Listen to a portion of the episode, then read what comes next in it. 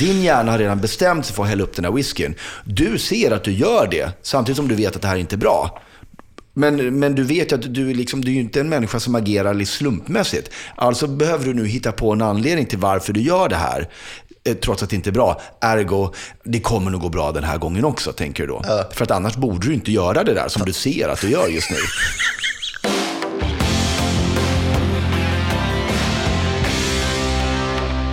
Välkomna ska ni vara till ytterligare ett avsnitt av Öppet hjärta.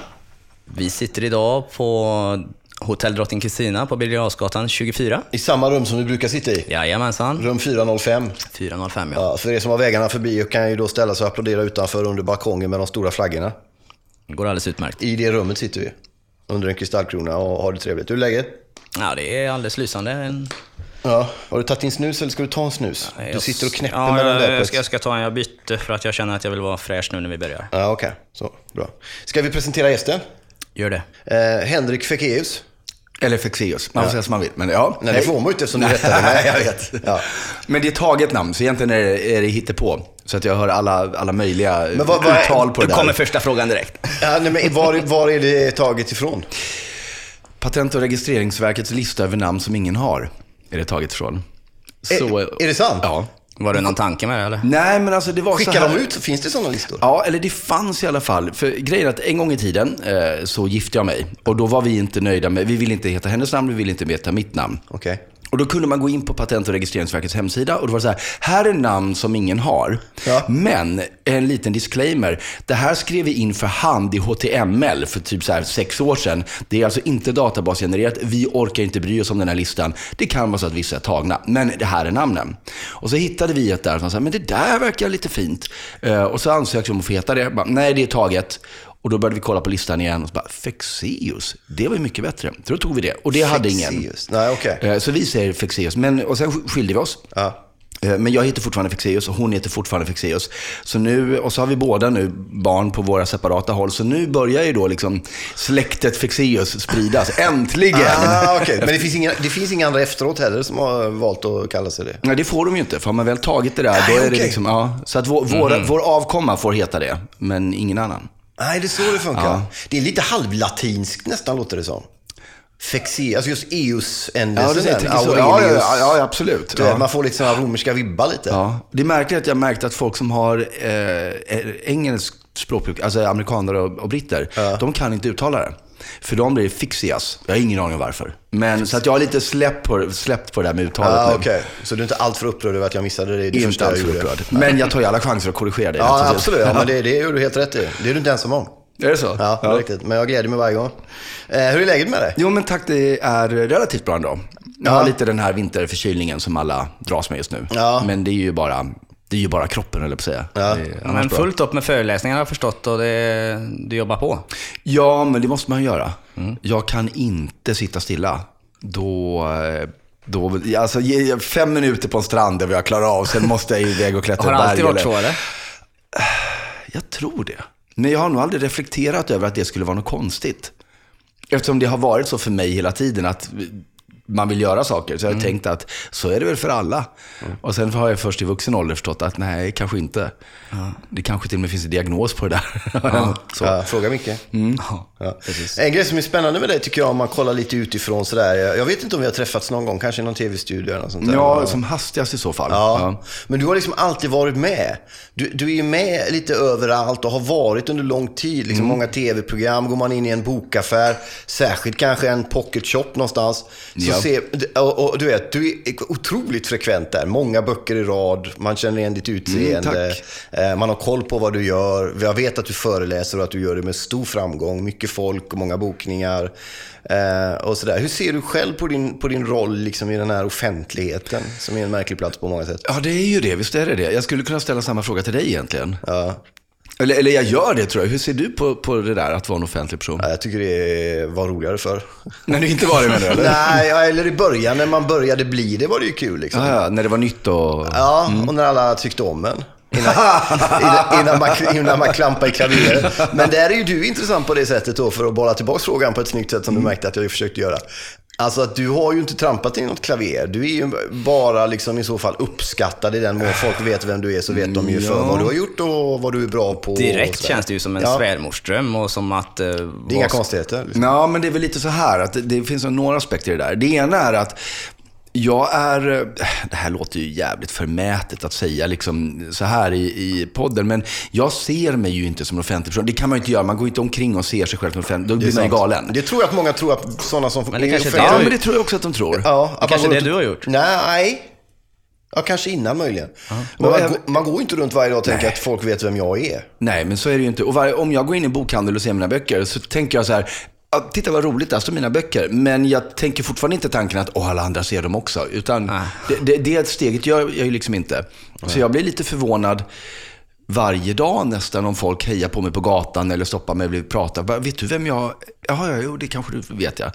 Ehm, så att jag, liksom, jag ser inte mig själv i den rollen alls.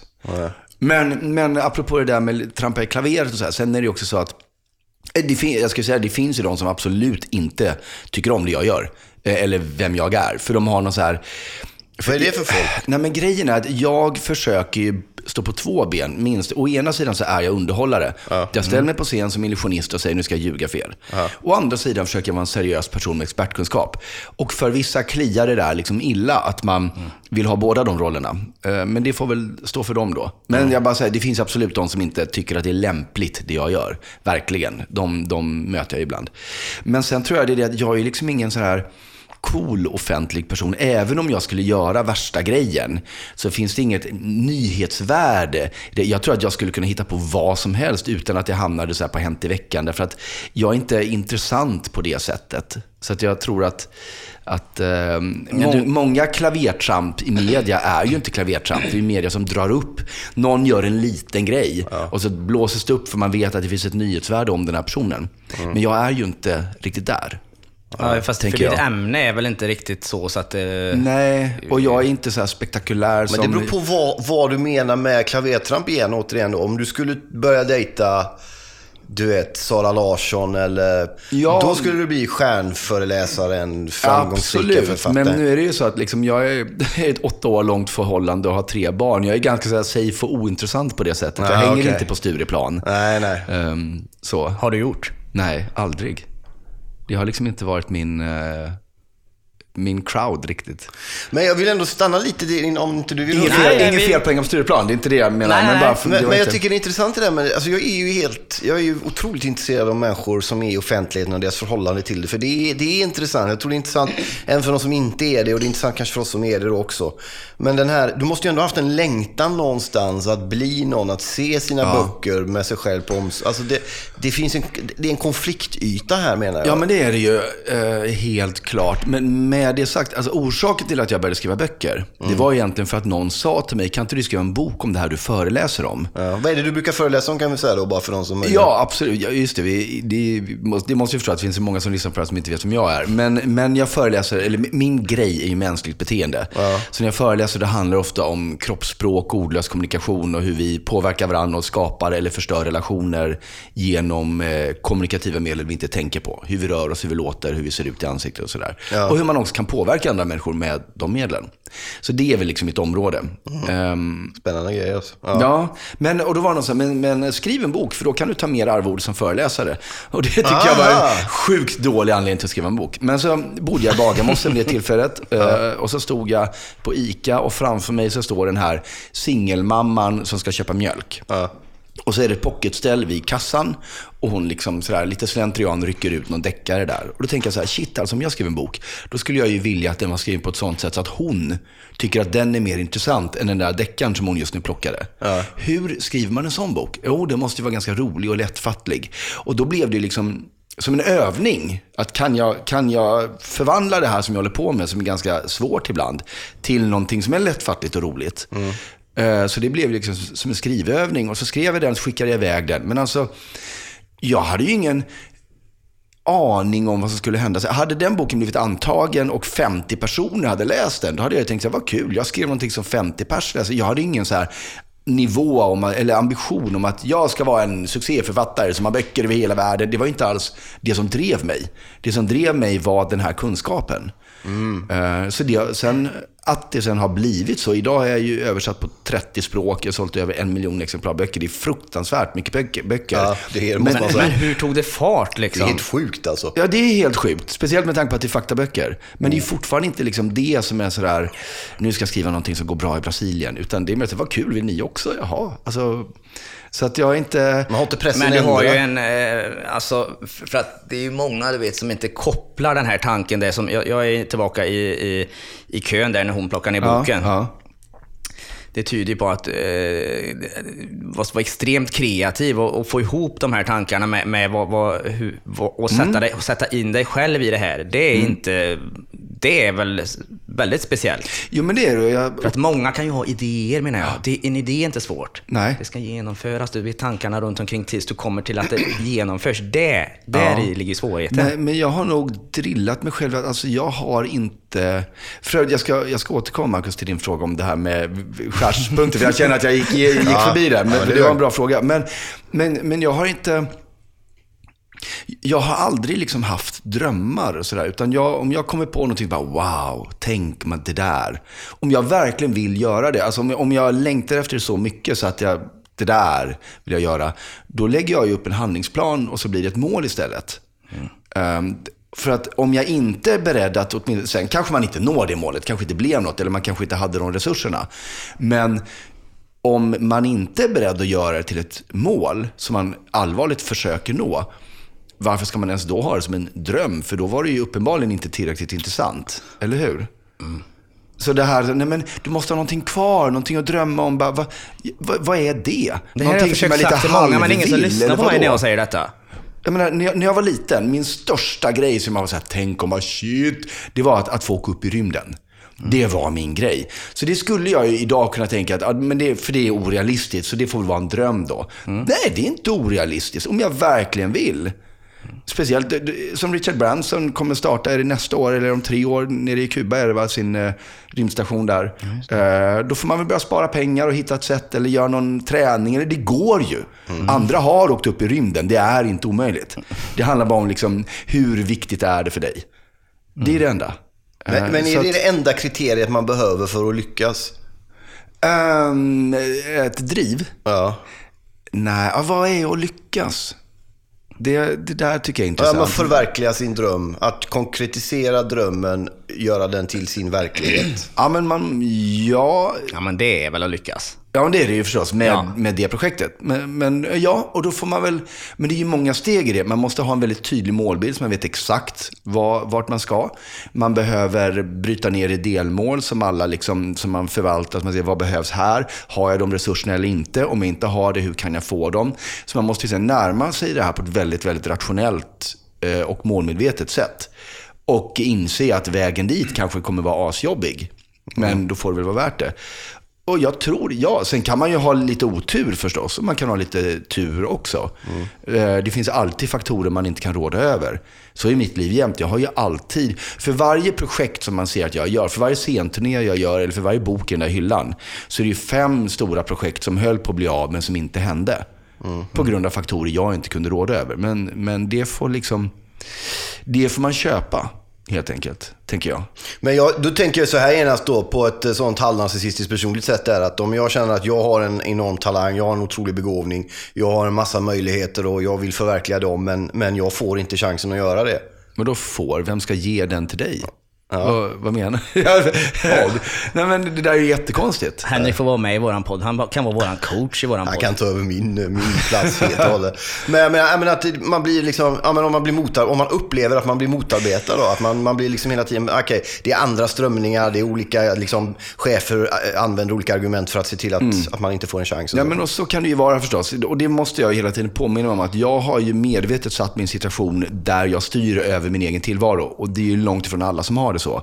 Och då kan man ju ha människor runt omkring sig, precis som du säger, chefer, kollegor eller annat som, som motar en. Och bara, nej det där går inte. Men då får man ju igen väga, hur viktigt är det här för mig? Ja, men om det är så, är det så här jätte, jätteviktigt och de här motar mig, då kanske jag behöver byta min situation. Jag kanske behöver byta arbete eh, för att jobba någonstans där jag inte blir motad med den här ambitionen. Ja, men det är ju jätteknepigt att byta jobb, absolut. Men det går. Folk har gjort det förut. Frågan är igen bara hur viktigt det här är för dig. Man får ju hela tiden väga det där målet mot eh, det som det krävs att, att nå det.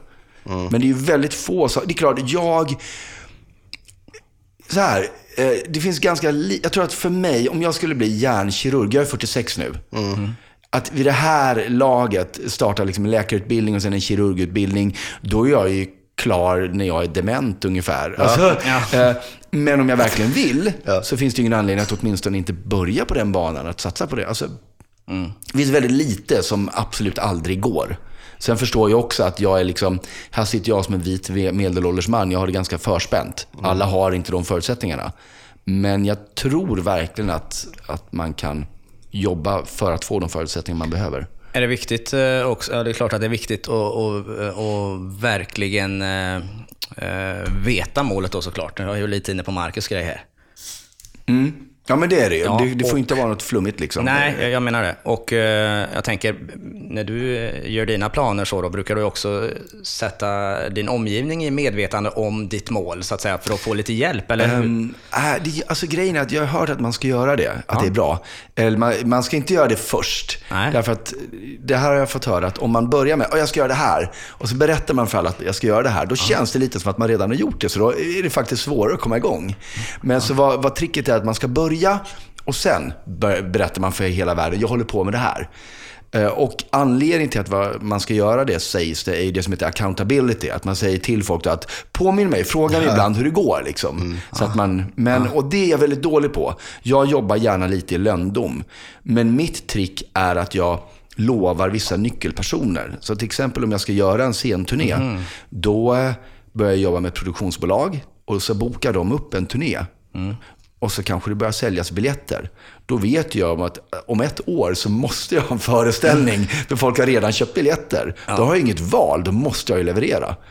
Så att eh, det, det, jag, jobbar mot en genom att lova andra. Liksom. Men det här, det här har ju vi snackat om förut, jag och Marcus, då, om eh, mål och sådana här saker. Och det här är ju en strategi som jag själv använder i de sakerna som då, ja, men de som, saker som har gått bra. Ja. Då har jag målat in mig i ett hörn. Ja, exakt. Det är precis så det. Så att Ja. det, man har ingen, eh, ingen livlina någonstans, utan folk kommer och tycker att det här, att du är en jävligt dålig person om du, du har lovat mig det här, Ja, du har lovat mig det här. ledsna. Och man, ja, och man, det mår man så fruktansvärt dåligt av eh, Sen är i ju, magen. Så sen att är man, det sjukt ångestladdat förstås. Ja, det är det ju. Men, men det blir resultat av det. Ja, absolut. så att eh, det där är en, det är en skön grej. Min familj har ju lärt sig det att när jag har så tre veckor kvar till en deadline, oavsett vad det är, då Ja. får jag flytta hemifrån. För då står de inte ut med mig.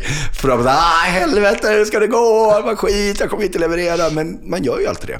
Det blir ju till slut. Liksom. Ja, men det är som du säger, att, att inte ha en plan B är ju rätt bra egentligen. Ja, Har man en plan B med något, så då, då är det ju risk att man inte genomför det man hade tänkt från början. Ja, för människan, det känns som människan liksom är inne i sig bara vill smita. För man öppnar den där, om man har en bakdörr, ja, då, man, man smiter ut där då om det går. Jag, jag brukar rekommendera alla att alltid ha en plan B. Ganska välutvecklad plan B dessutom. Jag har ingen.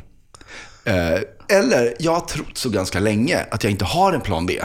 Eh, har insett att jag har alltid en plan B. Och den plan B, den är, om det här skiter sig, då kan jag göra någonting annat. Mitt liv är sånt att jag behöver inte ha liksom, jag måste... Tycker du det är att det är en plan B det? Ja, men det är så här, jag kommer fortfarande kunna betala min hyra. Även om det Ja, där inte blev så. av. Så stå, hamnar jag inte på gatan omedelbart. Eh, men jag menar, om jag, så här, om jag ska in i en löne, om jag har ett vanligt jobb, ska in i en löneförhandling och jag vet att det här kommer vara en ganska knepig förhandling. Då är det ganska bra om jag har till exempel börjat kolla runt lite, skulle jag kunna jobba någon annanstans? Alltså, om de där borta är lite intresserade av att ha mig, kanske lite dialog med dem och vet att där har jag en chans att komma in. Om jag har det i ryggen, som en plan B, då har jag mycket starkare position i den här löneförhandlingen. För då vet jag liksom när, när det är dags för mig att säga det där går jag inte med på. Då har jag en plan, annan plan som är mycket mer attraktiv. Eh, för att, så på det sättet är det bra att ha en plan B, att man alltid kan väga det mot den, när blir den liksom mer intressant än det som jag vill göra nu. Ja, jag är med på vad du menar. Så att, men, men i det här läget, när man ska driva igenom ett eget projekt, då är det nog liksom all in bara som gäller. Du brukar ju testa så här på att se folk hur de tänker och lista ut hur de är så. Kommer du ihåg vad du skulle svara på för fråga innan? Absolut. Vilken var det? Det handlade om det här med eh, brytpunkten eller konflikten mellan Ja. att vilja se sig på bokhyllan och så vidare. konfliktytan där. Ja. Ja, bara kolla. Eh, Men vi kan gärna ta det nu. Ja, varsågod. jag tycker det är en jätteintressant fråga. Ja. Och, för att det är klart att jag någonstans i det jag gör, även om jag sitter och påstår att jag vill förmedla kunskap om hur vi kommunicerar, och, så drivs jag också i någon form av så här, se mig, älska mig. Annars skulle jag inte liksom ställa mig på scen hela tiden. Ehm, och då är ju frågan bara, ja men ska man skämmas över det då? Eller ska man se det som en tillgång? Eller är det bara någonting som är? Och jag har nog valt att se det som någonting som är. Därför samtidigt så vet jag ju att det jag gör, oavsett om jag, så här, det kanske är så att jag sätter upp en, en turné bara för att jag vill att folk ska älska mig. Det kanske är så. Men om de som kommer på den blir glada och får någonting meningsfullt, då har vi ju alla vunnit på det. Ja, det är inget fel i det. Och då är det ju okej. Ja, Så. det är riktigt. Och då, eh, då kan man släppa det. Ja. Så När jag. blir det en sjukdom? En sjukdom blir det väl om eh, det inte är meningsfullt för de som tittar på dig. Så- Det- det går gränsen. Ja, eller om, du- om du tvingar dig på människor. Bara, hej, här är jag! Så, bara, fast vi vill inte... Då är, där någonstans känner Jag, jag. hade en skön grej. Det var eh, en vän till mig som spelade så här, revy i Göteborg med Kent Andersson, gammal revyräven Mm, där. absolut. Aftonstjärnan där uppe på Hisingen. Då, då han hade ett, ett nummer i, där min vän då skulle hålla en ganska seriös tung text och så läste han den och, och vid något tillfälle efteråt så sa han till Kent efteråt att eh, idag läste jag den där så bra så att jag började gråta. Och då sa Kent Andersson, titta på honom med sitt lilla glas vitvin och så sa han, ja det är bra det. Men du ska komma ihåg en sak, för det är publiken som ska gråta. Inte du. Men det är som jag var inne på lite och snuddade innan här, du, menar, du har ju en akademisk, minst sagt, utbildning. Du kommer ju också, du har ju det med dig. Du har en akademisk liksom, grund så att säga och sen har du då det här oerhört folkliga. Eh, och finns det, menar, du sa innan också att det finns en del som inte retar sig på vad du gör möjligen då. Och då, min tanke var väl då att det kommer från ett visst håll. Jag är intresserad av det där med elit, folklighet och det där akademiska folklighet. Hur förhåller du dig till den, eh, de delarna? Liksom? Du, eh, så lite som möjligt Ja, om jag ska vara Nej, men för att min, min eh, jag ska vara tydlig med det, min akademiska, jag är ju inte psykolog eller något sånt. Jag, jag, har, jag har inte ens en akademisk examen i psykologi. Jag en- filosofi, va? Ja, moralfilosofi, eller praktisk filosofi som det heter. Det är rätt tungt det med kan man tycka. Ja, det kanske är. Och det finns lite psykologi i det. Men, men så att det finns ju gott om människor inom just kanske det psykologiska skrået som är lite upprörda på mig och det jag gör. Och då får de väl Är det för att det går bra eller för att du, de inte håller med om vad du säger? Det beror nog på vem du frågar. Ja, det är att det går bra. nej, men ja, alltså, det är väl, många av dem hade väl gärna velat synas själva. Vissa av dem Mm. tycker väl att, att det är oetiskt kanske det jag gör. Jag vet inte. Men, men det är allt möjligt. Det finns, eh, jag vet att det finns eh, eh, journalister och så här som, som är upprörda och bara, ja, men det, det, får, det får stå för dem. Jag, så här, jag har ganska mycket energi, men hur mycket den än, än är så är den begränsad. Mm. Och jag måste välja vem jag ska spendera min energi på. Ja, det och då är frågan om jag ska lägga den på, på människor som är griniga. Liksom. Nej, faktiskt inte. Nej. Det, jag, jag släpper det. Ja, Liksom. det är bra. och det, men det, det är klart, det är en övningsfråga. Men, men så här är det ju att om man gör det man själv tror på, eller om man är där man vill vara, Mm. så kommer det alltid finnas någon som inte gillar det man gör. Mm. Därför att de hade inte gjort så, eller de är lite avundsjuka, eller de fattar inte att det gick att göra så. Det spelar ingen roll. Om man alltid försöker vara alla människor till lags, eh, vilket jag verkligen försökte vara, från att jag var 13, 14 till att jag var kanske 25 så försökte jag vara alla till lags. Eh, och det som händer då är att man blir en fruktansvärt ointressant människa. Man blir liksom så här, man blir lättmjölk liksom. Um, men, men det där handlar ju mycket om, om självkänsla också, att våga... Men vad hände efter 25 då som gjorde att du orkade släppa det? Nej, men jag tror att jag fick lite bättre självkänsla. ja, att det för var det är det. en trygghet ändå att försöka Men var kom till- den ifrån? Så den bara ramlar ju inte ner. Nej, men det gjorde den inte. Men vad, så här, den hela storyn var att, att eh, under grundskoleåren så var jag ganska mobbad. Eh, och då gör man, eh, när det börjar vända liksom, så gör man ju allt för att passa in. Och inte liksom störa sig med någon. Där, därför att man vill liksom, åh vad kul att folk pratar med mig. Och det vill man inte rubba.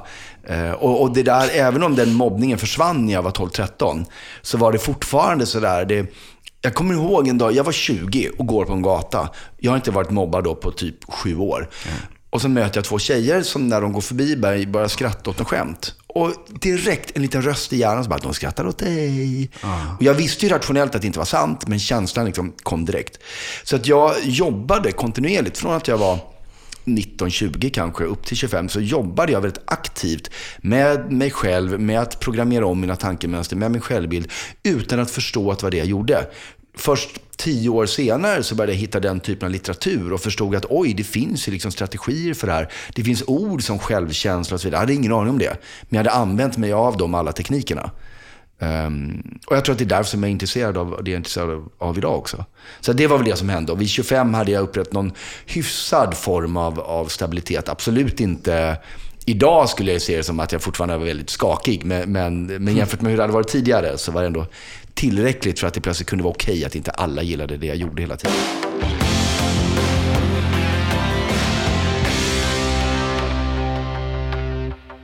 Kallar du dig själv för tankeläsare? Det, det gör jag ibland. Ja. Eh, jag kallar mig själv jag för tänker allt att möjligt. det, men är det, men är det en eh, kommersiell titel egentligen, eller? Eh, Hur menar du då? Nej, jag tänker att... ehm, Finns den på riktigt? Är det det du undrar? Ja, lite så. Tankeläsare, eller är du extremt bra eh, på att här, läsa, det- läsa kroppsspråk? Ja. Det är en viss skillnad?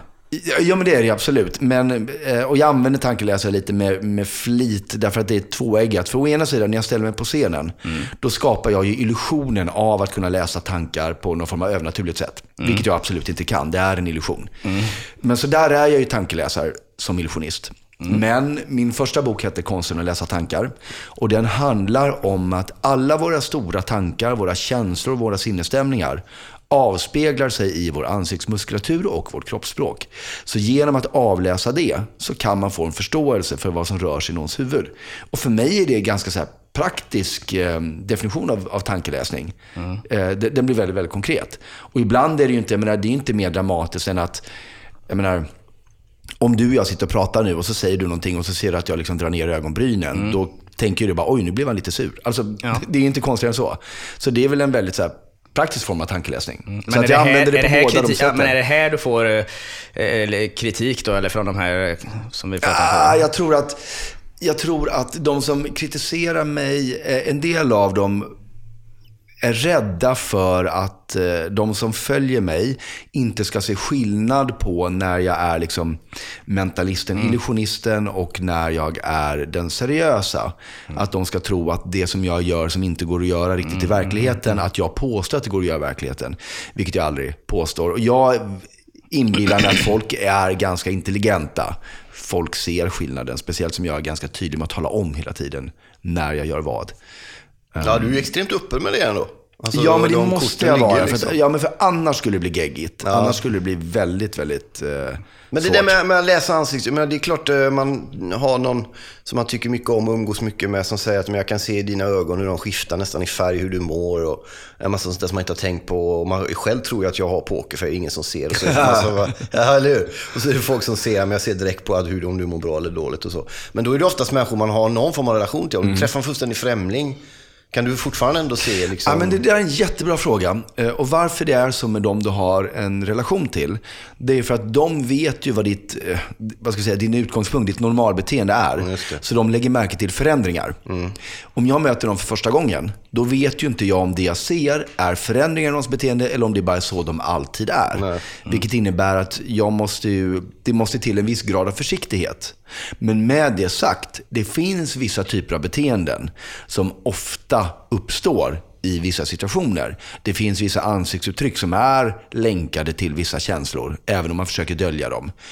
Eh, Och jag har väl blivit lite bättre än jag var förut på att uppmärksamma det. Men samtidigt så måste jag vara försiktig. att Även om jag ser nu att du verkar faktiskt bli lite beklämd över just det här vi pratar om, så får jag inte liksom vara övertygad om det. Men då kan det ändå hissa en liten flagg i, i huvudet på mig att kanske leta efter fler signaler på det. Eller vara lite mer försiktig i samtalet och se om du då verkar slappna av igen.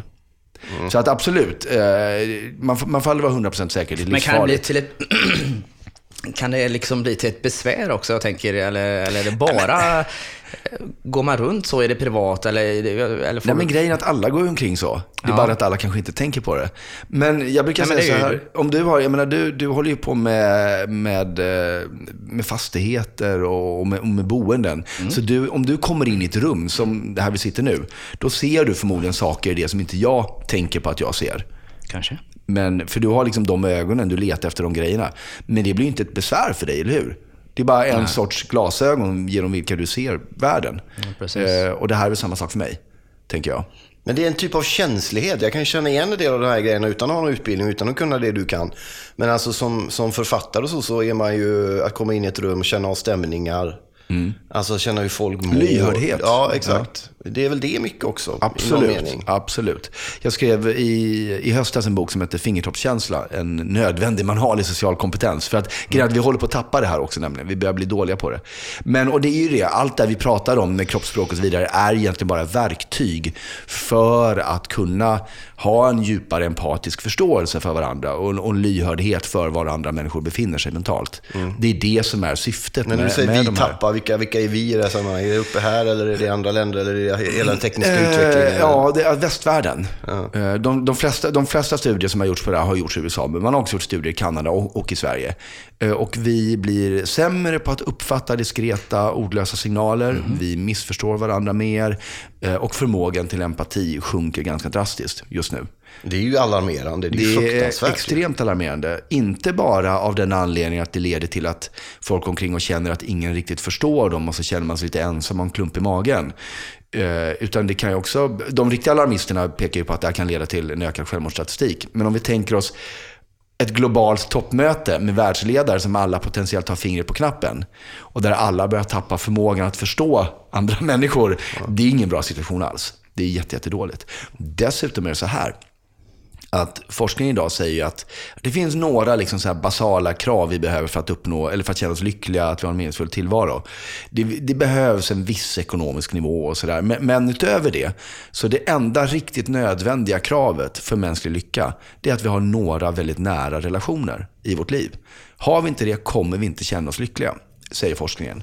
Mm. Och då är det tragiskt att det som håller på att försvinna nu, är, eller försvinna, det vi börjar bli sämre på, är de verktyg som vi ska använda för att skapa de här relationerna. Mm. Så det vi alltså håller på att tappa är förmågan till att ha en meningsfull tillvaro. Är det inte bara så att uh, relationerna ändras? Jag tänker på det här med uh, att man skriver till varandra uh, numera och sådär och att uh, man träffas inte lika ofta. Och. Mm, ja, men de ändras ju, men de blir inte, de blir inte fullgoda.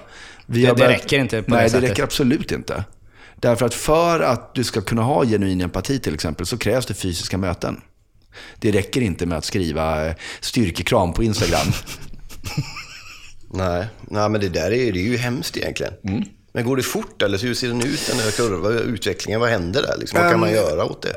Eh, just vad det gäller empati så verkar det som att eh, Eh, sen 80-talet så har det börjat dala och sen 2011 så har den där dalningen liksom blivit en brant nedförsbacke. Mm. Hej sociala media. Mm. Um, nu finns det ny forskning som visar att mm, det kanske inte riktigt är så enkelt, men, men, ja, det går väldigt fort. Men eftersom det går så fort och det handlar om förmågor som vi är inprogrammerade till att kunna använda, så tänker jag mig att då borde det inte heller vara jättesvårt att kunna vända på det. Och som tur är så verkar det som att de strömningarna börjar finnas nu mm. inom, eh, inom forskning, men egentligen inom allt. För grejen är den här. Vi människor är liksom eh, programmerade till att vara sociala varelser. Vi har, över hela hjärnan eh, har vi hjärnceller som bara aktiveras när vi möter andra människor. Det är meningen att vi ska interagera med andra. Vår hjärna belönar oss när vi gör det. Ja. Men jag är uppvuxen i en kultur som har lärt mig annorlunda. Jag är uppvuxen i en kultur som har pratat om, liksom, en hjälte är ju alltid liksom själv. Och eh, i alla böcker och alla filmer så är det den ensamma hjälten som dödar skurkarna och klarar biffen. Uh, självhjälpsvärlden som jag lever i, det är liksom hjälp dig själv. Du ska utvecklas, personlig utveckling. Åk till Indien, hitta dig själv. Mm. Allting är liksom du, du, du, du, du. Så jag har ju trott att det är så vi människor är. Jag har inte fattat att det där är bara ett val som vi gjorde för typ knappt hundra år sedan. Fram tills helt, helt nyligen så har vi liksom levt i väldigt, väldigt täta sociala eh, sammanslutningar. Och sen när industrialiseringen kom Vi började få mer fritid och vi fick teknik som möjliggjorde att vi kunde roa oss själva. Så, liksom, så var det någon som sa bara, nej men nu ska vi vara själva. Men det är så nytt. Så att jag tror att det också går att ändra på det. Och det ser jag liksom inom psykologi. Man börjar forska mer och mer om empati. Det görs under, och det fina är att man också gör undersökningar om det här nu på de teknologiska instituten. Det här är nu hard science. Det är liksom inte de här flummiga mysgrejerna. Eh, Och var, för ett år sedan så var jag på en arkitekttävling. Och då var det så här, eh, och, eh, unga arkitekter hade fått så här, rita framtidens boende. Och där var de åtta finalisterna och en skulle koras.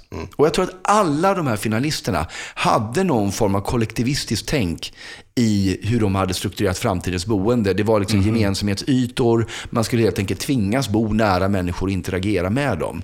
Så förhoppningsvis börjar det här kanske smyga sig in lite. Så att den här lilla bubblan vi har levt i de senaste hundra åren verkligen bara är en liten bubbla i vår historia. Två, två konkreta tankar kring det. Den första är när man lägger upp en, här, en ganska ny typ av karta där man sätter då olika länder i olika fyra rutor så här om hur individualiserade, sekulariserade de är. Så, så, så är det ju nu vedet. Sverige är ju inte lagom utan Sverige är fullständigt extremt. Alltså på riktigt. Mm. Så är det. Längst upp till höger, det är det mest individualistiska landet man ska självförverkliga. Det du nämner nu är ju Sverige liksom land ett på. Japp, Att, att le, Sverige leder den här typen av utveckling. Så är det ju. Eller hur? Ja. Det är den ena grejen. Den andra grejen som jag tänker fråga dig om, då, det är så här, om man nu mår dåligt då, som man är, är socialt eh, mer eller mindre missanpassad, har i stort sett inga vänner, få kollegor, nyskild, sitter i sin sunkiga etta, mår inte speciellt bra. Det sista man vill göra är att träffa en människa. Men man tvingar sig av någon anledning gå ut och träffa en människa, mår alltid bättre efteråt. Varför sitter hjärnan och säger till en att man inte ska gå ut och göra det som är bra för en? Ja, men har inte det... Nu känner jag inte den här personen som sitter där, så det finns säkert jättemånga Ja, det är jag. olika... Ja. Nej, men jag tänker mig att har inte det kanske att göra lite med så social, social rädsla? Att man, man vill inte bli bedömd. För att om du mår bättre av att träffa andra, eh, då tänker jag mig att då, då borde spärren inte handla egentligen om att träffa andra, utan det kanske snarare handlar om vad andra tycker om dig när de träffar dig. Och det värsta som finns är ju att man känner att, att man ska bli socialt negativt bedömd. Att man inte räcker till. Att det kanske är det som är spärren. Men det du sa just rent fysiskt, vad som händer i hjärnan, när grejer som frigörs och sådär. Och man vet allt det där. Ja. Varför vill man inte göra det som är bra för en? då? Ja, men jag tror att det är för att man är rädd. Så här är det. Eh, En gång i tiden så var det livsviktigt för oss att folk gillade oss. Därför att om vi inte fick vara med i gänget, då, eh, då fick vi inte längre bo i grottan där de andra var. Och där fanns det mat och eh, tak över huvudet och eld. Utanför regnade det, ingen mat och det stod en stor tiger som ville käka upp oss. Ja, det så det var, liksom, det var lika med döden, att inte bli socialt accepterad. Vadå förr så är det ju nu med. Alla, alla vill ju vara som alla andra. Jo, men förut- ju fan i det här förut- landet, i den här staden, folk är ju livrädda för Fast förutom att du inte dör på riktigt. Det är ju det som är skillnaden. Du dör inte. Men hjärnan tror att du kommer göra det. Och därför så är vi så jävla rädda för att göra saker som vi tror att, att andra kanske inte tycker Tänk om de inte tycker om mig. Jag vågar inte prata med den där snygga personen som står där borta. För tänk om han eller hon inte tycker om mig. Nej, men vad spelar det för roll? Men hjärnan är där och bara, du kommer dö, du kommer dö, du kommer dö.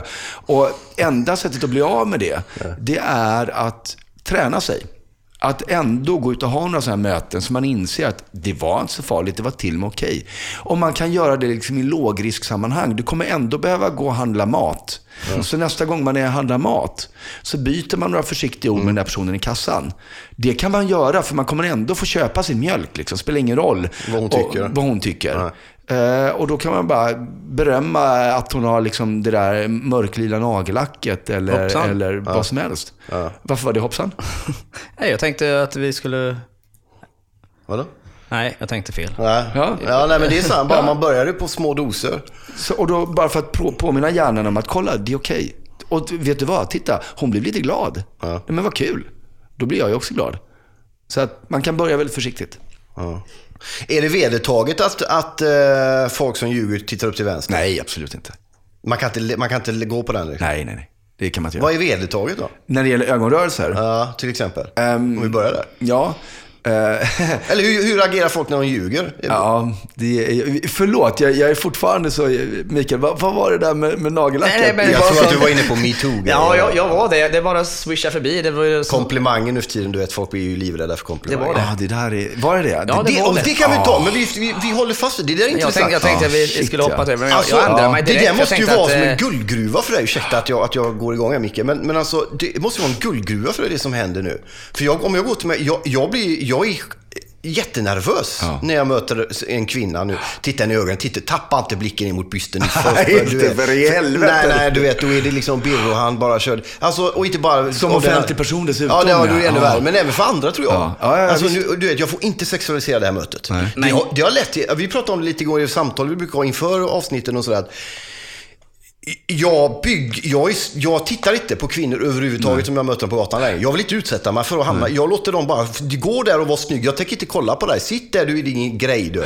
Ja, men det där är så tråkigt. Och jag, eh, jag, jag får faktiskt en hel del mail från unga tjejer som bara, snälla kan inte du bara prata om att det är okej att flirta? För det, det är ingen som vågar ens liksom prata med någon längre. Men säger man så här som jag säger, då är det också löjligt. Då blir alla så här, men det är inte det det handlar om. Det är klart man ska få flirta. Men de här tankarna kommer Ja, men de gör ju det. Man vill ju Jo, inte vara den där sa nu, det var skurken. därför jag ville hoppa över det. För att det som jag sa hoppsan till nu, Ja. det blir löjligt. Ja, Förstår du vad jag menar? Jo, men, men, det är, Ja. men det är Ja, intressant att du det- reagerar. Ja, ja, jag reagerade. Eh, och- Det kom bara och så. då tänker, då tänker alla på den där tjejen som poli, ville polisanmäla den här killen som sa hej till henne på gatan. Som den här Ja. storyn som alla har hört. Eh, för att det, man vill inte hamna där. Men, men jag tror att, ja, det där eh, är... eh, Fan att vi ska göra saker och ting så svårt för oss. Jag tycker metoo-rörelsen är fantastisk, den är jättebra. Men det här är ju liksom den tråkiga sidan av myntet. Om, om vi inte vågar prata med varandra för att vi är rädda för att, att eh, en som vi inte tycker att vi gör något fel, att andra ska tycka att vi gör något fel. Eh, jag har inte riktigt den där rädslan måste jag säga. Och jag tror att, eh, jag hoppas att det här är någonting som verkligen bara, att den biten av det hela, den här överdrivna rädslan för att prata med någon av ett motsatt kön, eller av samma kön, att den är någonting som bara är att om tre månader så, så, eh, så Det är en liten löjlig det grej i sammanhanget ska man säga. det Men, men just nu så. är det ju viktigt. Just nu är det Jag sa jättestort. ju förra veckan att eh, du frågade mig om hur det hade påverkat mig. Mm. Ingenting sa jag direkt, men det har du ju gjort uppenbarligen. Ja, exakt. du avslöjade själv där. Ja, det gjorde jag ju. Finns det några grejer då, för att återgå till kroppsspråk och sådär, armarna i kors, är, det avstånd och så? Är det sånt som man vet eller? Ja, men... Gäller det fortfarande? För om man vet det, då kan man tänka sig, "Ja, nu känner jag lite avstånd, men om man lägger armarna i kors, då visar jag att det är avstånd, därför vill jag inte göra det. Och så gör man inte det. Alltså, Nej, men så är det ju. men, men grejen är att armarna i kors, absolut avståndstagande. Men kan också vara att man fryser. Eller att det bara är väldigt skönt att armarna i kors. För det är det ju. Så att, och det var det jag var lite på, inne på innan. Man kan aldrig kolla på en grej och bara, nu vet jag hur du tänker. Därför att eh, man måste alltid se vad som kallas ett kluster av signaler för att vara liksom säker. Om du lägger armarna i kors och, och rynkar ihop pannan och lutar dig bakåt, ja men då kan jag fundera på att, att det är avståndstagande. Men eh, det är också så här att eh, det visar sig att vi lägger ofta armarna i kors liksom när vi tänker efter. Och Det innebär att för många så är armarna i kors blir en intern signal till hjärnan att liksom ägna sig åt sina egna tankar. Så man har alltså kunnat se att vi blir sämre på att ta emot intryck utifrån när vi lägger armarna i kors. För då går hjärnan lite mer in i sig själv. Så att av den anledningen, eh, om du står och pratar med folk, eh, säg att du håller en presentation eller någonting. Om människor börjar lägga armarna i kors, oavsett om de distanserar sig eller inte, så är det bra att försöka få dem att inte ha armarna i kors. För att de blir sämre på att lyssna på dig när de har armarna i kors än när de inte har det. tänker du när du håller föreläsning om någon? Mm, det gör jag, absolut. Men när jag håller föreläsningar, då blir det väldigt konstigt om jag pinpointar en person bara Ah, det är inget kors. Så vad Ja, jag, gör istället, vad jag gör istället är att när jag pratar om kroppsspråk, Mm. så tar jag upp armarna. Då har jag först kollat vilka publiken har armarna kors. Och så tar jag alltid upp armarna kors som ett exempel på just att kroppsspråket är inte sådär tydligt. Och så här, armarna kors behöver inte betyda att man är arg. Och så pekar jag på folk i publiken och säger, det är jätteskönt att ha armarna kors, eller hur? Och så pekar jag på de här människorna och så ger jag dem credit, det är jätteskönt, eller Ja, hur? och då känner de, positiv- absolut det är skönt, Ja, men det är med. ingen som armarna i kors efter det. Därför, därför att man blir liksom ändå utpekad och det kanske man inte ville. Så att då, så då, Men kan du känna hur, hur stämningen, hur var stämningen när du kom hit? Känner du av sånt? Eller hur, hur känns det mellan mig och Marcus? Ja, precis det första. Och sen andra, hur, hur känner du in det i så fall? Alltså hur gör du? Är det tecken, syner? Eller är det mer alltså, hur vi sitter, hur vi rör oss? Hur vi... Hur känns vi? Helt enkelt? eller, eller känner du mer på det poetaktiga sättet? Eh, nej, men jag försöker nog alltid... Här, jag förutsätter alltid det mest positiva som går. Det är min utgångspunkt, att, att, eh, att stämningen här inne är god och vi vill varandra väl. Eh, det är min utgångspunkt. Så eh, då le, jag letar inte efter saker som bekräftar det. Utan jag väntar tills det dyker upp någonting som, som skulle kunna säga mitt emot det. Att nej, det här var inte riktigt som jag trodde. Hur var det när du kom in här? Mm, nej, men det var väl alldeles utmärkt. Men har det inte blivit bättre sen du kom in? Jo, det tycker jag. Det är bättre nu än när vi började. Men, men eh, så blir det väl i, i jag hoppas att det blir i Ja, de ju flesta samtal vi ja, har. ja, det. Att det blir bättre ju, längre, ju mer tid man Nej, får. men för när, vi, ja. när, när jag kom in då kände vi inte varandra. Nej. Det var lite teknikråd och, och sådär. Eh, Och, och jag gjorde ju den här väldigt konstiga grejen med att jag inte hälsade på någon av er. Eftersom jag sa att jag är lite förkyld. Så att, eh, och, och då blir det också lite så här konstigt. För även om ni visste varför jag inte tog er i hand eller kramade er eller hur vi nu skulle hälsa på varandra. Så blir det ju ändå lite, man saknar någonting där i ritualen. Ja. Som gör att stämningen blir lite, det var inte så här vi hade tänkt börja. Fast, Någonstans det, i hjärnan. ja, fast för mig kändes det väldigt och, bra. Jag tycker, jag, jag, såna tycker här- det, för mig är det bäst så. Ja, du är en hands-off person så. Ja. Men, men, men, Jag tycker men, det- men det är också för, menar, tidens ordning, allting nu är ju att gå, im, gå ifrån det här sättet som gör att man, att man då bygger, eh, att det känns bättre över tid. Man träffas, man pratar. Mm. Men nu är det liksom väldigt anonymt, det är skärmar, det är antal tecken, det är snabba tryck och tang. Man avhumaniserar ju människor i- på det sättet. Mm. Absolut. Är det en del av den här empatilösheten oh så breder oh ut sig liksom. och, och, och sen är det också så att vi tror att, vi inte bara avhumaniserar folk, utan vi ersätter människor. Vi tror att, så här, det finns en forskare som heter Robert Dunbar och han har kommit fram till att ungefär 150 personer är så många som vi det- det är liksom ett magiskt tal för hur många människor som är bra för oss att ha runt omkring oss. För blir det mer än 150, då, då blir det för komplext liksom med vem som ligger med vem och sådär. Men, men 150, det klarar vi att hålla reda på. Och det har han tittat på historiskt. Det har varit liksom snittstorleken på byar i Afrika, det är välfungerande militära enheter, det är medelstora företag som fungerar väl innan de behöver någon annan administration. Det är alltid 150. Ja. Idag enligt honom så är det eh, snittantalet på antal vänner på Facebook. Det betyder att vi har bytt ut våra genuina sociala kontakter mot folk på Facebook. Och det är väl okej. Problemet är att vi tror att det är samma sak. Vi tror att de vi möter på Facebook är riktiga människor, vilket det absolut inte är. Det är, det är folk som väljer att presentera ett, ett litet, välfriserat och filtrerat hörn av sin verklighet. Och så förväxlar vi det med eh, hur folk faktiskt är. Och så för att kompensera det så lägger vi upp en lika, liksom sådär, ja, men jag kan ta den här bilden från förra semestern som den här fotografen tog. Så lägger jag upp den för att liksom få vara med i Det var, spelet. ja, det var bättre, det var bättre 2015. Så, och där är det ett jätteproblem. Men hur fungerar du själv på sociala medier och så då? Uh, väldigt, jag hänger inte på så. Jag har både Facebook och Instagram. Eh, men å jobbets vägnar, ska jag säga. Så att jag postar i princip bara arbetsrelaterade saker. Jag eh, läser ingenting. Jag har ingen privat Facebook-sida. Så att jag har inget så här flöde där jag kan ta del av andra gör. Vilket innebär att jag inte är med i någon sån här grupp med vi som gick ut årskurs 9 år 1900. Eh, jag skulle, det, det hade säkert varit jättekul att vara med i en sån grupp, men, men det, det är priset jag betalar. Så att nej, jag, jag, så här, jag har fullt upp med att ta del av de människor som jag faktiskt liksom träffar och umgås med. Och det får räcka så, känner jag. Och det är likadant på, på Instagram. Liksom. Jag, ytterst, ytterst sällan som jag scrollar i, i flödet på dem. Jag, jag följer några ändå. Väldigt, väldigt sällan jag scrollar och ser vad de gör. Och varje gång jag gör det så känner jag att så här, varför gjorde jag det här? Jag hade ju bara kunnat titta rakt ut i luften istället. En grej som jag är intresserad av när det gäller hjärnans irrgångar, det är det här med missbruk. Ja. Det är, jag är ju nykter missbrukare eh, och, och beroende personlighet och allt sånt där. Och det tycker jag är intressant då, för jag, jag kommer ihåg jag var på någon öppen behandling för en massa år sedan och så gick jag där och så eh, sa eh, terapeuten, eller vad man ska vara, eh, behandlaren där till mig att ah, men du är ju smart och du, du kan det här och, och, och du vet och ändå så blir det, gör du inte rätt. Du måste göra grejer. Du får koppla bort din hjärna, gå på möten, gör handling, du vet, gör praktisk skillnad. Sitt inte bara och var smart i huvudet. Varför är det svårt för en del, för beroendepersonligheter är ju extremt många som är. Mm.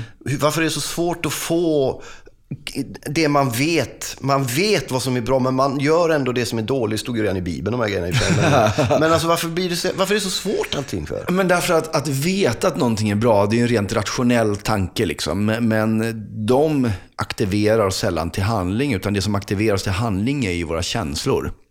Och eh, om vi till exempel får jäkligt mycket dopamin av en handling, eh, vilket är en, eh, en kemikalie i hjärnan som gör att vi känner oss, att det är väldigt härligt och vi blir väldigt glada och vi mår väldigt bra. Om vi får väldigt mycket dopamin av en handling, då vill vi utföra den därför att det känns bra. Oavsett om vi vet att det där är en sak som också är bra att göra eller inte. Så det är ju det som är problemet. Att, att antingen då agera strikt rationellt, vilket är extremt svårt, eller koppla ihop liksom det känslomässiga, de känslomässiga reaktionerna eller aktiviteten med de här, att få det att synka liksom med rationella tanken. Det är därför, igen då, sociala medier. Det, det är ju, Eftersom vi pratade innan om det här bekräftelsebehovet, eller att få vara med i gruppen. Ja. Varje gång du har ett hjärta på, på Instagram, mm. så får du en liten skjuts dopamin i hjärnan. För det är någon som mm. såg det och sa att du finns, du är med. Mm. Vad härligt. Eh, men det blir aldrig nog.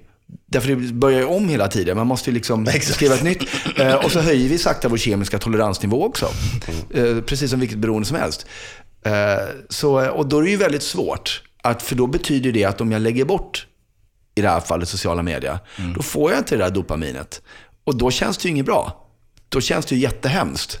Mm. Och då, medan jag vet att det känns skönt att, att göra det, även om jag vet att jag kanske borde se dig i ögonen nu istället som jag faktiskt pratar med. Men skulle du kunna sträcka det så långt och säga, det är fråga, ingen kostar, jag ska inte lägga några svar i munnen på det, men, men det, det, låter ju då som att för vissa åtminstone då kan sociala medier fungera ungefär som ett beroende. Det finns eh, ganska många forskare som är ganska entydiga om det. Mm. Att, det att det är att likställa med ett kemiskt beroende. Det blir ett kemiskt beroende, men av kroppens egna belöningskemikalier. För jag, du kan ju, om man frågar rent fysiskt, hur funkar hjärnan då? Till exempel om man då som missbrukare, man dricker och så dricker man fyra dagar i rad och så slutar man och så tänker man, ja ah, det blev katastrof. Och så gör man det tio gånger. Där är det någon sorts definition på galenskap. Den tolfte gången när det har gått till några dagar så har hjärnan ställt om sig så pass att, att jag då, om det är jag, eh, har glömt konsekvenserna. Och tänker att nej, men jag kan nog dricka nu för att det, kommer, det händer nog inte samma sak som det gjorde de andra 35 gångerna jag gjorde det här senast.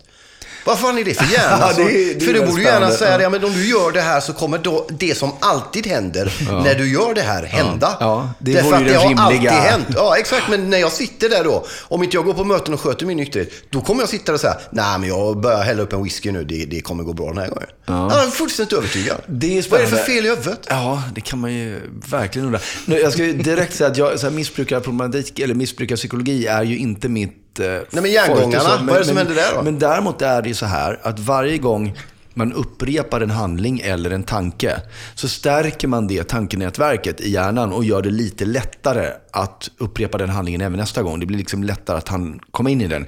Det är därför det är så farligt att älta saker. Du vet, man går in i negativa grejer. Åh, han, han eller hon är ett sånt jävla as som gjorde slut om man, om man liksom ältar det för mycket, man pratar ut med sina vänner om det hela tiden, ja. så blir det jättesvårt att tänka bort från den tanken. För att man, man trampar upp stigen helt enkelt, hjärncellerna. Och jag tänker mig att det, någonstans det kan vara en, en del i pusslet till det här också. Att för varje gång du går in i den där loopen så gör du det lättare för hjärnan att hamna i den igen, rent neurologiskt, och svårare att, att göra någonting annat. Mm. Så det kan vara en del i det förstås.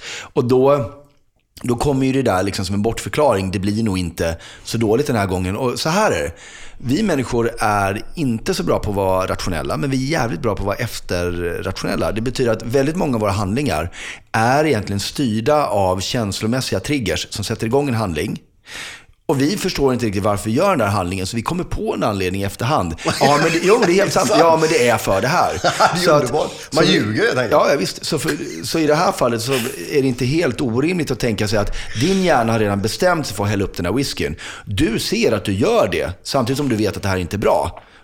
Men, men du vet ju att du, liksom, du är inte en människa som agerar slumpmässigt. Alltså behöver du nu hitta på en anledning till varför du gör det här. Eh, trots att det inte är bra. Ergo, det kommer nog gå bra den här gången också, tänker du då. Ja. För att annars borde du inte göra det där som du ser att du gör just nu. Nej. Ja, men alltså varför är det så? Vad kan de inte ha liksom skapat? Det är lite enklare. De, varför kunde de inte byggt hjärnan lite ja, bättre? Eller gud, ja, var det nere. Men, men alltså, vad, har du konkreta grejer? För du, du, du är inne på det här, liksom att, det var intressant det du sa när du var ung, hur du jobbade med dig själv. Du började liksom att, att det är som, ungefär som ett fysiskt arbete att, att få hjärnan att tänka andra tankar, bättre tankar mm. så att man ska bli lyckligare. Men hur gör man det praktiskt? Liksom? Alltså det beror ju helt och hållet på vad som är ens individuella situation förstås. Ja. Uh, för mig, som då var liksom nervös för att inte bli omtyckt eller att folk skulle skratta åt mig eller sådär. Jag började till exempel med, uh, som jag tror många gör faktiskt i den situationen, jag började med amatörteater. Ja. Mm. Därför att då fick jag ställa mig på en scen och kliva in i roller som folk kanske skrattade åt eller inte tyckte om. Eh, så jag fick ju möta den, den feedbacken, men i skydd av att det inte var mig personligen riktigt. Det var ju en karaktär jag spelade. Mm, okay. Och då fick jag känna på hur det var att, att, att känna det där, liksom, i skydd av att det egentligen var någon annan. Mm. Ehm, Men som skådespelare så är man ju liksom alltid, det är ju ändå en del av sig själv som man har i det. Så, att, eh, så det, var, det var en grej tror jag som gjorde det ganska förlösande. Eh, Och sen så får man ju, man, som med alltid, man får ju börja i det lilla liksom. Man får... Alltså om man nu känner att jag aldrig får någonting gjort, då ska man inte börja med att bara, ja men om jag inte får den här boken skrivet då är jag värdelös. Utan då får man börja med att hänga upp den där tavlan på väggen som man inte hängt upp. Bara för att visa hjärnan att kolla, du gjorde faktiskt någonting. Men, det får, men precis, för det är det jag ändå inte är ute efter. Det går inte att tänka sig lycklig, du måste handla. Ja, oh ja, ja, ja, ja, men det är det ju. Du måste göra grejer. Ja, därför att om din hjärna har fastnat i ett mönster av så här är det. Då måste du ju överbevisa hjärnan om att nej, det är inte så. Och enda sättet att överbevisa hjärnan, det är att kontinuerligt sätta dig i situationer som inte får det resultat som din hjärna påstår att det skulle få. Nej, de skrattade inte åt mig den här gången heller, där ser du. Och så är det så här, trettionde gången så börjar hjärnan fatta att okej, det var inte så farligt. Och i små steg då. Som I man inte små blir... steg, absolut. Det finns en film, bokserie som är Limitless, tror jag den heter. Ja, just det. Mm. där. Den är, de, du vet, Är det det där att man bara använder 20 procent? Nej, det där är en skröna. är det, är det, det finns inte en massa hemliga gånger man kan Nej. knarka sig till. Liksom. Nej, det gör inte det. Vi använder vår hjärna hela tiden. Men jag trodde att det fanns. Nej. Vad, vad, det, så här, vad det där kommer ifrån var att jag tror att det var Einstein, men det kan också vara en myt. Men jag tror att det var han som sa någonting i stil med att vi använder 10% av vår potential. Och vad han menade med det var att vi är lite lata. Vi skulle kunna göra mycket bättre om vi ansträngde oss. Men det har liksom förvandlats till att vi använder 10% av vår, vår hjärna. Så det finns Men inga hemliga gånger man kan öppna och så nej, blir man smartast? Det inget sånt. Det finns inga envägar till någonting eller?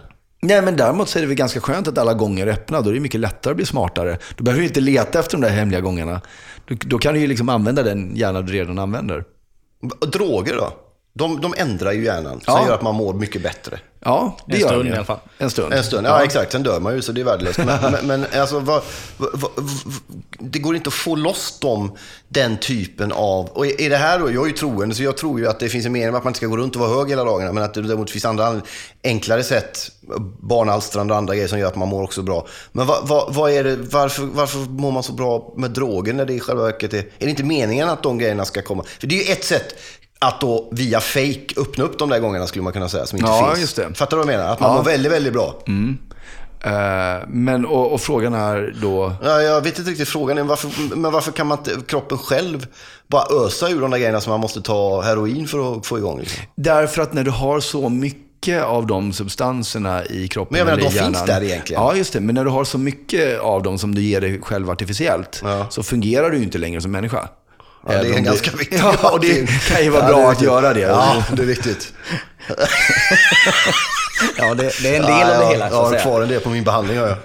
Ja. Får jag göra lite reklam? Ja, och ja, det- för det om, man, om man tycker att sådana här grejer är coola, som vi just nu har, har pratat massa om, så vill jag slå ett slag för att jag har ju också blivit med podd nu för tiden. Just Så det, jag den får vi prata om. Så Säg. jag har ju en podcast som heter Kan själv, vilket är lite ironiskt eftersom jag just har pratat om att vi inte ska vara själva. Mm. Men en podcast om mänskligt beteende där jag varje vecka försöker djupdyka ner i en aspekt av vad det är, som, vad det vi gör och vad vår hjärna med, gör med oss.